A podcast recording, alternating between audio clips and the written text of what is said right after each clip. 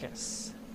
By the way, ini adalah uh, video pertama Diary Indigo Podcast yang diupload ke YouTube karena banyak ternyata permintaan dari uh, followers Instagram dan uh, audiens audiens di podcast yang pengen lihat nih uh, secara langsung ketika uh, saya nyeritain videonya kayak gimana eh nyeritain kejadiannya kayak gimana jadi pengen langsung mungkin lihat ekspresi saya kayak gimana ya dan ya inilah uh, Rizky Revangga yang selama ini uh, behind uh, Diary Indigo Podcast yang selama ini teman-teman dengerin cuman suaranya aja oke okay?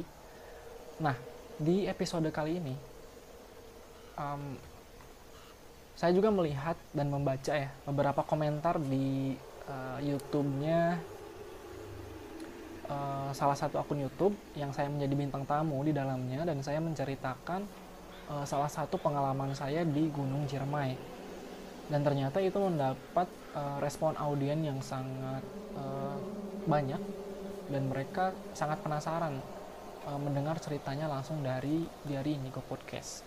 Maka dari itu di episode spesial kali ini dan uh, langsung episode pertama di YouTube saya dari Indigo Podcast, saya akan menceritakan salah satu pengalaman saya di saat saya mendaki Gunung Ciremai bersama kedua teman saya, which is itu adalah ganjil. Uh, cuma tiga orang ya kita naik gunungnya. Oke kita mulai langsung aja teman-teman. Uh, oh ya kalau yang belum tahu Gunung Ciremai itu ada di Jawa Barat dan Gunung Ciremai ini adalah gunung tertinggi yang ada di Jawa Barat sekitar 3200 mdpl kurang lebih. Saya lupa lagi tepatnya seperti, uh, berapa ya. Tapi intinya 3200an lah. Oke hari itu uh, kita berangkat malam minggu dan kebetulan lagi libur kuliah.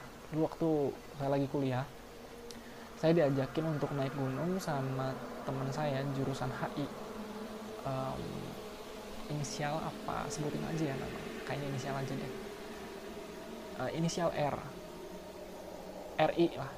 Inisial RI dan inisial CH inisial RI dan CH ini mengajak saya untuk uh, mendaki Gunung Ciremai yang mana saya itu udah lama banget nih gak naik gunung. Terakhir uh, sebelum naik Ciremai itu saya naik uh, Pepandayan di Garut ya.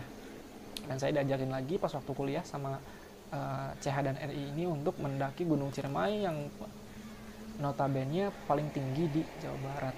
Uh, saya sempat ragu juga, wah kuat gak nih kan? Udah udah lama gak naik gunung, udah gak pernah olahraga lagi gitu kan, kuat gak nih? Tapi ah uh, memang udah mumet juga karena kuliah, jadi mungkin saya butuh refreshing. Dan salah satu alternatifnya ya memang naik gunung adalah yang paling uh, saya inginkan gitu tadinya mungkin dan sekarang ditambah dengan ajakan tersebut saya okean langsung okekan aja langsung gitu. Nggak tanpa tanpa pikir panjang. Oke kita prepare uh, pada hari uh, Sabtu. Kita prepare. Eh pada Jumatnya prepare dulu semua barang-barang. Kayak kita kan masih sewa-sewa barangnya karena kita bukan bukan benar-benar pendaki kan sebenarnya. Cuman sebenarnya ada Rifki. Rifki itu memang suka mendaki tapi bukan hobinya dia mendaki tapi dia memang uh, punya gearnya punya alat untuk mendaki. Hanya uh, pendukungnya aja ketika dia ada satu hal yang selalu si Ripki itu oh, jadi di Ripki kan disebutin nggak apa-apa yang selalu Ripki lakukan di atas gunungnya itu dia selalu bernyanyi. Dia selalu membawa mic dan juga membawa uh, selendang. Selendang kayak rocker gitulah uh, itu biasanya dia.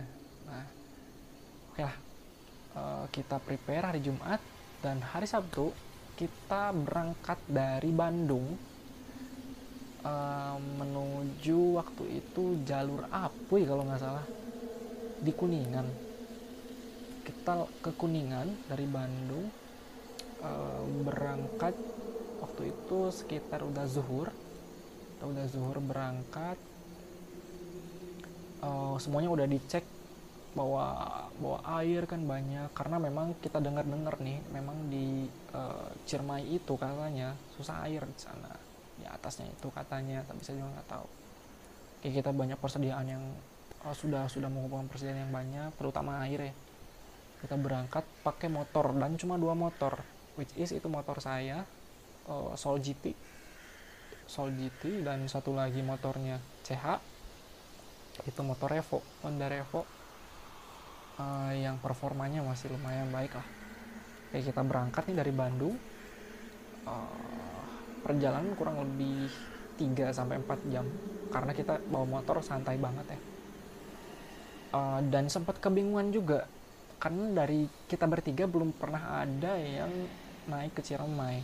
Belum pernah ada satupun dari kita yang naik ke Ciremai dan sempat pakai uh, kita pakai GPS untuk ke sana dan pas kita pakai mau ke daerah lereng gunungnya kita mau ke daerah tempat posnya kita bingung harus ke mana. Akhirnya kita uh, bertanya sama warga gitu kan pas di kuningan tersebut. Uh, pak uh, pos pendakian di sebelah mana? Akhirnya tunjukinlah si bapak gitu kan. Sana deh sana deh. Ya, jalannya memang agak kecil tapi masuk mobil ya. Dan uh, untuk ke sana saya masih ingat tuh melewati pedesaan-pedesaan. Dan ada satu desa terakhir um, dan menurut saya itu desa masih hidup ya. Masih rame lah masih ada orang-orang yang bertransaksi jual beli. Dan uh, masih ada anak-anak yang jajan yang main layangan gitu kan waktu itu. Kayak kita nyampe di situ sekitar um, jam 4 jam 4 asar ya jam 4 sore. Um, setelah uh, kita sampai istirahat dulu karena gak, gak mungkin langsung naik karena capek dulu kan kita masih masih uh, capek-capek lah badannya udah naik motor dari Bandung. Dan saya juga sholat asar dulu. Nah setelah sholat asar dan kita lanjutin um, simaksi sudah istirahat ya kita simaksi pendaftaran. Um, pendaftaran untuk naik gunung. Dan ditanya sama si A nya tanya kayak gini cuman tiga orang. Uh, mohon A. Ya A um, satu lagi ke mana? Um, cuman tiga aja. Nah sebenarnya kita mau ngajak satu orang lagi tapi dia nggak jadi. Uh, inisialnya AR dia nggak jadi ikut entah apa pun alasannya saya nggak tahu tapi memang pembatalannya di hari H. Harusnya empat orang harusnya genap tapi ternyata jadi ganjil. Dan si A itu nanya uh, satu lagi ke mana? Gitu. Tiba-tiba nanya gitu ya udah kita bilang yang satu lagi nggak jadi gitu. Jadi kita tiga orang ya udahlah apa gitu kan naik uh, beresin si maksi langsung kita lanjut mendaki waktu itu jam 5 jam 5an um, um, kita di pos 1 um, menuju. Saya sebenarnya agak lupa-lupa lagi karena itu udah beberapa tahun yang lalu ya. Sekitar tahun 2015 2016an gitu saya naik Ciremai. Jadi saya agak lupa tuh karena bukan anak gunung juga saya agak lupa pos ini tuh pos apa. Terus pos apa pos apa saya lupa cuman saya mengingat kejadian detailnya itu memang uh, anehnya saya mengingat kejadian detailnya itu ketika saya ceritain hal ini pada malam Jumat kemarin saya menjadi bintang tamu. Nah sebelum saya menjadi bintang tamu saya kira kejadian ini tuh nggak pernah ada gitu. Nggak pernah ada kejadian mistis di gunung ini tapi ketika saya nyeritain di uh, channel YouTube apa tuh? Terbangun tengah malam. Terbangun tengah malam uh, saya tiba-tiba mengingat semuanya teman-teman. Saya juga nggak tahu kenapa. Mungkin dibukain atau gimana gitu kan. Lah kembali lagi ke topik yang tadi. Kayak uh, saya naik. Normal-normal aja waktu itu bahkan saya sampai sholat maghrib di pos berapa gitu pos 2 kalau nggak salah. Nah pos 2 sholat maghrib um, kita lanjut setengah tujuh uh, jam delapanan udah nyampe jam delapanan kita mau ke pos 3 memang perjalanan itu lambat sekali karena um, mohon maaf ya yang berinisial CH ini dia nggak pernah naik gunung sama sekali pertama. Dan yang kedua dia punya kesulitan di um, berat badannya. Jadi agak uh, kita harus menyesuaikan juga dengan beliau uh, untuk um, perjalanannya itu jalan jalannya jadi nggak terlalu cepat. Dan banyak istirahatnya banyak berhentinya. Tapi mungkin dalam kisaran sekitar kita berjalan pendek sekitar 20 meter berhenti istirahat uh, 2 sampai 3 menit jalan lagi kayak gitu oke uh, sekitar jam 8 kita lanjut lagi. Nah di sini nih mulai ada bukan hal-hal aneh ya feeling. Karena saya lebih ke feeling ya teman-teman. Seperti yang sudah saya ceritakan di podcast podcast saya sebelumnya saya tuh nggak bisa lihat dengan mata kepala sendiri tapi saya uh, mempunyai feeling mungkin yang uh, ekstra sensitif mungkin ya. Jadi saya merasakan hal-hal yang agak berbeda auranya. Pada saat saya mendekati ingin mendekati uh, pos 3 uh, oke. Okay. uh, jalanlah seperti biasa kita positive thinking dan saya sebenarnya kalau ada apa-apa kalau ngerasain apa-apa ketika naik gunung saya nggak pernah bilang sama siapa pun saya selalu pendem itu sendiri. Karena takutnya jadi membebani pikiran kepada yang lain kan jadi mereka takut atau gimana. Jadi saya mending simpen aja sendiri. Oke okay. uh, eh, sampai kita jam 9 jam 10 udah nyampe pos 3 tuh. Udah nyampe pos 3 nah kita dari pos 3 menuju pos 4 oke okay, ya oke okay, sorry. Agak merinding sedikit. Entah kenapa ketika saya mengingat momen-momen itu agak selalu ada sesuatu gitu entah yang datang atau apa gitu kan. Saya udah sebenarnya udah gak mau tahu ya teman-teman ya. Oke dari pos 3 kita mau mau menuju pos 4 saya ngerasanya rame. Oh iya dari pos 1 itu sampai pos 3 itu ya saya nggak ketemu kita kita nggak ketemu pendaki satupun. Kita nggak ketemu pendaki satupun walaupun itu weekend itu weekend kita naiknya dan tidak ada pendaki satupun. Dan kita sebenarnya nggak sempet tanya sama si AA yang di pos pendaftaran ada pendaki lain atau enggak. Kita nggak sempet tanya. Dan berharap ketemu lah di jalan. Dan ternyata kita nggak bertemu yang turun atau yang naik nggak ada satupun di jalur tersebut ya. Jalur akui oke kita dari kita nah di pos 3 itu di tengah perjalanan itu sudah nyampe jam setengah uh, setengah sebelas. Dan si Cahyo bukan kesebutan Cahyo lah CH ini uh, nanti saya izin. Uh, dia mungkin agak agak kesel ya agak capek dan uh, ada beberapa kata-kata yang selalu dia lontarkan. Sebenarnya kita udah udah semangatin dia kita udah sabar-sabarin dia bahwa memang naik gunung itu kan seperti ini bahwa memang ketika kita um, apa ya mendaki itu inilah struggle-nya gitu kan. Ada capek ada sakit kaki ada ini gitu kan. Nah, dia tuh belum karena mungkin memang belum terbiasa ya kita juga tahu ya.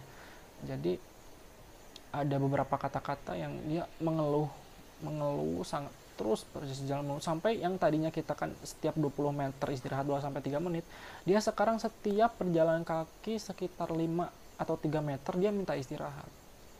Oke, kita berjalan istirahat, berjalan istirahat, berjalan istirahat kan semakin lama kita untuk menuju tempat uh, camp kan. Uh, akhirnya kita paksa terus, uh, kita paksa terus sampai saya juga sebenarnya agak agak emosi sedikit ya, tapi saya tahan. Um, kalau Rifki itu dia agak agak menenangkan gitu karena uh, dia agak orangnya polos banget Rifki itu. Santai banget orangnya. Uh, menenangkan Cahyo. Kalau saya memotivasi Cahyo tapi kadang emosi juga gitu kan. Ayolah yo gitu kan. Masa? gitu kan. Gini aja kamu pasti bisa gitu kan. Akhirnya dia naik juga. Uh, sampai pada dia terus ngomong-ngomong gitu kan. Saya akhirnya saya kan posisinya paling belakang nih ini saya ini Cahyo ini Rifki paling depan. Rifki paling depan dia nunjukin jalannya. Karena jalan waktu itu jalur, jalur apu itu nggak terlalu banyak uh, belokan jadi masih ada jalur uh, meskipun malam kita pakai senter jadi masih gampang lah kalau menurut uh, Rifki ya yang terbiasa naik gunung. Tapi kalau menurut saya ya bingung juga gitu kan. Kok bisa tahu dia jalannya? Nah saya merasa di situ rame banget. Meskipun memang tidak ada pendaki yang kita temui. Baik naik ataupun turun. Pas jam setengah sebelas malam itu pas dari uh, per, pertengahan pos 3 eh pos 3 ke pos 4 nah, nah di pertengahan perjalanan itu sambil si Cahyo ini tetap ngedumel ada satu yang saya fokuskan. Ada satu pohon besar. Ada satu pohon besar. Pohon besar ini ada di sebelah kanan kalau dari uh, dari bawah ya dari pas mendaki di sebelah kanan satu pohon besar. Dari jauh tuh udah kelihatan nih pohonnya paling besar dia. Nah terus di sekitaran pohon ini saya bukan bukan melihat dengan mata kepala saya sendiri ya, tapi saya melihat dengan uh, feeling saya bahwa di situ banyak orang. Dan mereka sedang mengelilingi pohon dan seperti sedang melakukan uh, entah doa bersama atau uh, melakukan sebuah festival atau apa sih itu saya juga nggak ngerti pokoknya mengelilingi pohon besar tersebut. Um, saya tidak terlalu mention itu dan saya juga nggak ceritakan sama yang lain cuman saya memang ada feeling kuat ke situ dan memang merinding banget pas jalan itu. Dan saya juga paling belakang gitu kan. Nah pas kita mau mendekati mendekati mendekati mendekati si pohon ini pas banget udah melewati pohon ini sekitar kita 5 meter dari pohon tiba-tiba dong. Mungkin Cahyo ini udah bener-bener gak kuat untuk nahan emosinya. Dia ngeluarin satu kata-kata yang tidak patut dikeluarkan di atas gunung. Dia bilang an nah itu. Pas dia bilang kayak gitu dan itu kenceng banget tiba-tiba di belakang saya ada suara auman singa, auman harimau. Di belakang saya tepat ada suara ketika dia bilang kata itu, langsung di belakang saya ada suara auman auman harimau yang sangat keras. Dan saya kira cuma saya yang dengar, saya kira cuma saya saya yang dengar dan saya langsung langsung langsung lari gitu kan gak pikir apa apa lagi langsung lari dan ternyata Rifki sama Cahyo juga dengar suara itu dari belakang saya. Mereka juga langsung lari. Lari terbirit-birit. Itu meskipun dari kita berat kita udah sakit kaki udah sakit badan udah capek banget tapi pas lari itu tuh kerasanya enteng banget gitu. Meskipun kan kalau teman-teman yang suka naik gunung pasti tau lah dari pos 3 ke pos 4 itu jalannya udah agak ada bebatuan dan agak terjal juga. Jadi kita harus lompat-lompat sedikit.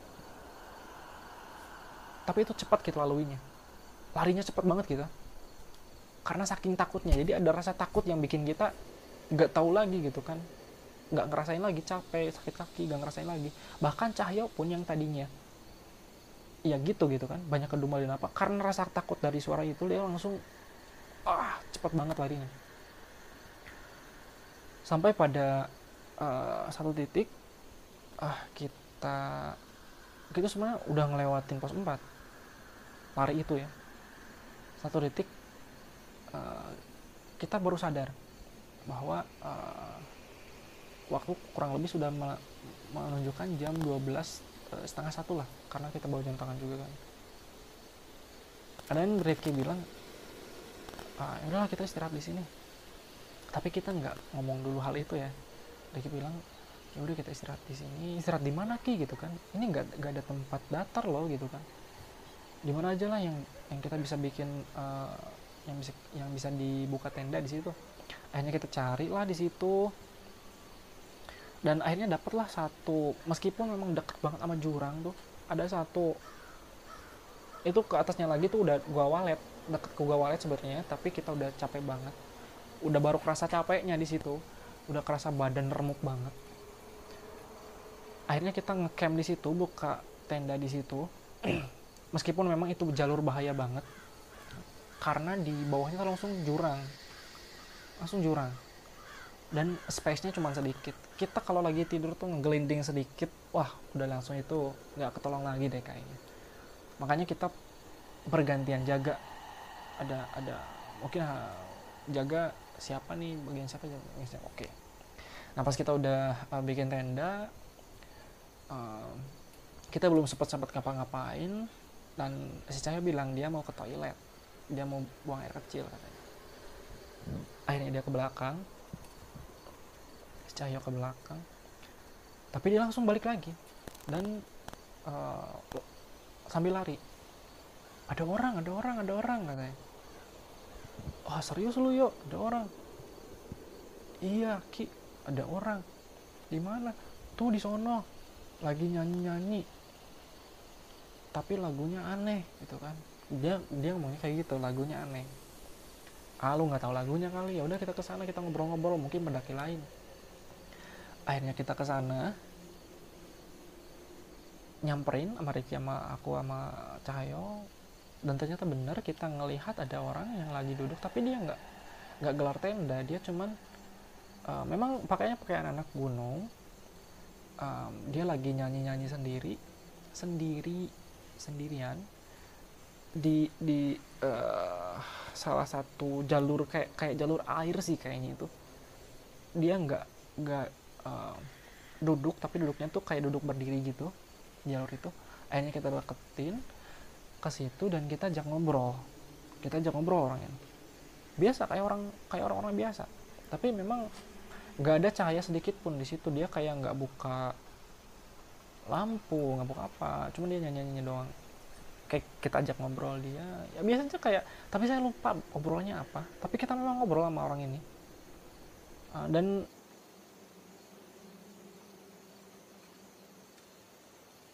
uh, saya juga nggak enak. Saya juga izin kalau ketiduran. Ah maaf ya kalau saya ketiduran gitu kan.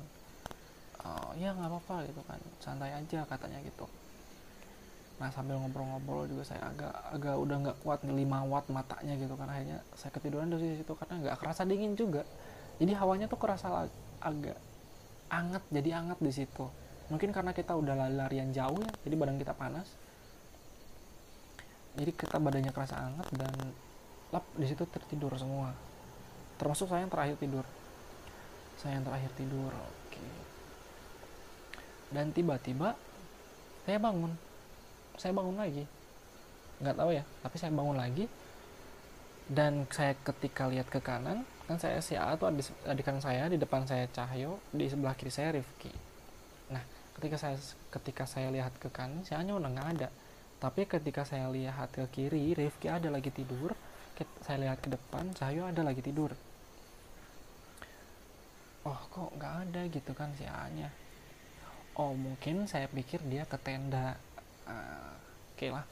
Saya tadinya mau bangunin uh, Rifki sama Cahyo kita mau ke tenda juga tapi saya mau izin dulu sama si AA nya sekalian lihat tendanya karena kata si AA nya tendanya nggak jauh dari situ di atas sana. Ya udah saya bawa center saya mau ngecek ke tendanya. Oke saya bawa center ke tendanya ke atas. Uh, agak ah kira-kira sekitar 10 meter 15 meteran lah dari posisi kita ngobrol ke atas. Saya nyenterin ada satu batu besar satu batu besar tengah-tengah itu ada satu batu batu besar saya center dan ketika saya, saya uh, cahayanya ke bawah ke bawah ada si A itu. Tapi posisinya tuh lagi sujud. Posisi si A itu lagi sujud di depan batunya. Posisi A nya ya nah akhirnya saya deketin. Lah mungkin uh, saya kira sih itu lagi sholat atau mungkin kecapean atau gimana saya nggak tahu. Tapi saya samperin. Saya samperin uh, dia dia dia posisinya masih kayak kayak sujud sujud gini. Nah saya samperin. Uh, terus saya pegang pundaknya. Uh, terus saya tanya a uh, lagi apa a? Gitu kan dia nggak jawab A lagi apa A? Gitu kan. Dia nggak jawab lagi nah ketiga kali A lah pas saya mau nanya ketiga kali ada yang nepuk saya dari belakang. Pek, gitu kan. Loh gitu kan. Tapi tangannya kayak tangan orang dewasa gede gitu kan. Kerasa sama punggung saya kan. Plak ada yang nepuk dari belakang. Pas saya, saya tuh ngomong A itu ke telinganya ya. Telinga si A yang lagi sujud dan saya ditepuk dari belakang. Dan saya langsung nengok nengok ke kanan. Pas nengok saya lihat seseorang. Orang dewasa yang memakai pakaian adat Sunda. Adat Sunda zaman dulu tapi kayak dia tuh lebih mencerminkan sebagai seorang prajurit. Karena dia memakai uh, tombak senjata ya. Ada tombaknya terus ada ikatnya dan uh, ik, uh, sebenarnya nggak ada bajunya cuman ada samping di bajunya terus um, apa ya ini namanya samping dia pakai samping. Ada listnya sampingnya ada listnya. Saya lupa lagi warna merah gitu warna warna ungu gitu ya. Pokoknya ada listnya di samping di sampingnya itu. Um, uh, saya kira memang uh, apa ya saya nggak nggak mikir aneh-aneh waktu itu nggak takut juga. Uh, karena mungkin saya mengira itu adalah uh, salah satu temannya si AA yang uh, suka kebudayaan Sunda. Jadi uh, beliau tanya uh, dalam bahasa Sunda sebenarnya Sundanya bener banget Sunda halus banget Sunda yang bener-bener sopan. Uh, dia dia uh, berucap sama saya uh, sudah dalam bahasa Indonesia-nya sudah jangan uh, sudah biarkan dia dia sudah tenang di situ. Dia ngomong gitu ke saya. Uh, oke. Okay um, kenapa uh, kenapa A gitu kan? Kenapa aku naon A gitu kan? Sudah kamu jangan uh, jangan uh, terlalu banyak tanya lah istilahnya tapi dalam bahasa Sunda lemes ya jangan terlalu banyak tanya jangan ingin tahu lah. Ikut saja sama saya gitu kan dia ikut saja sama saya tuh hayu kadieu tapi jadi halus banget gitu ya. Dan gerakan tangannya itu seolah-olah kayak nanti saya untuk ikut gitu. Ayo kada ngiring gitu. Ayan hoyong pernah gitu ada yang mau ketemu? katanya. Ya udah. Mungkin saya agak penasaran juga siapa yang mau ketemu sama saya di gunung ini gitu kan. Lagi uh, saya ikutin maunya dia uh, saya berbalik badan lah dari si yang lagi sujud. Saya ikutin si bapak-bapak ini. Beberapa langkah. Um, tapi pas di beberapa langkah tersebut mengikuti si bapak-bapak ini saya agak ada kon karena saya memang suka protes ya pikirannya. Uh, saya kepikiran terus kenapa sih AA ini dibiarkan dan dia bilang tempatnya udah di sini gitu kan. Saya istilahnya mah saya terus membela gitu. Saya bertanya terus bertanya ingin tahu membela kenapa? Kenapa sih AA ini terus di sini gitu kan? Kenapa dibiarkan? Um, dan akhirnya uh, intinya ada obrolan panjang di situ saya lupa detailnya. Dan pada akhirnya dia gini uh, tangannya kayak gini ke muka saya. Nah gitu. Diginiin uh, sekarang kamu lihat ini katanya. Diginiin itu awalnya memang gelap banget tapi pas diginiin muka saya itu jadi tiba-tiba bukan terang bukan gelap juga tapi semu semu semu terang sedikit kayak uh, sore mega lah mega sore gitu. Kalau kata orang Sunda mah mega lagi mega sore gitu. Kayak agak kemerah-merahan gitu loh. Uh, terang enggak gelap juga enggak. Nah saat gituin tiba-tiba suasananya jadi kayak gitu dan di depan saya itu, itu yang tadinya pepohonan hutan itu jadi sebuah perkampungan dan kerajaan. Ada kerajaan dan kayak ada ada dari jauh ya saya lihatnya.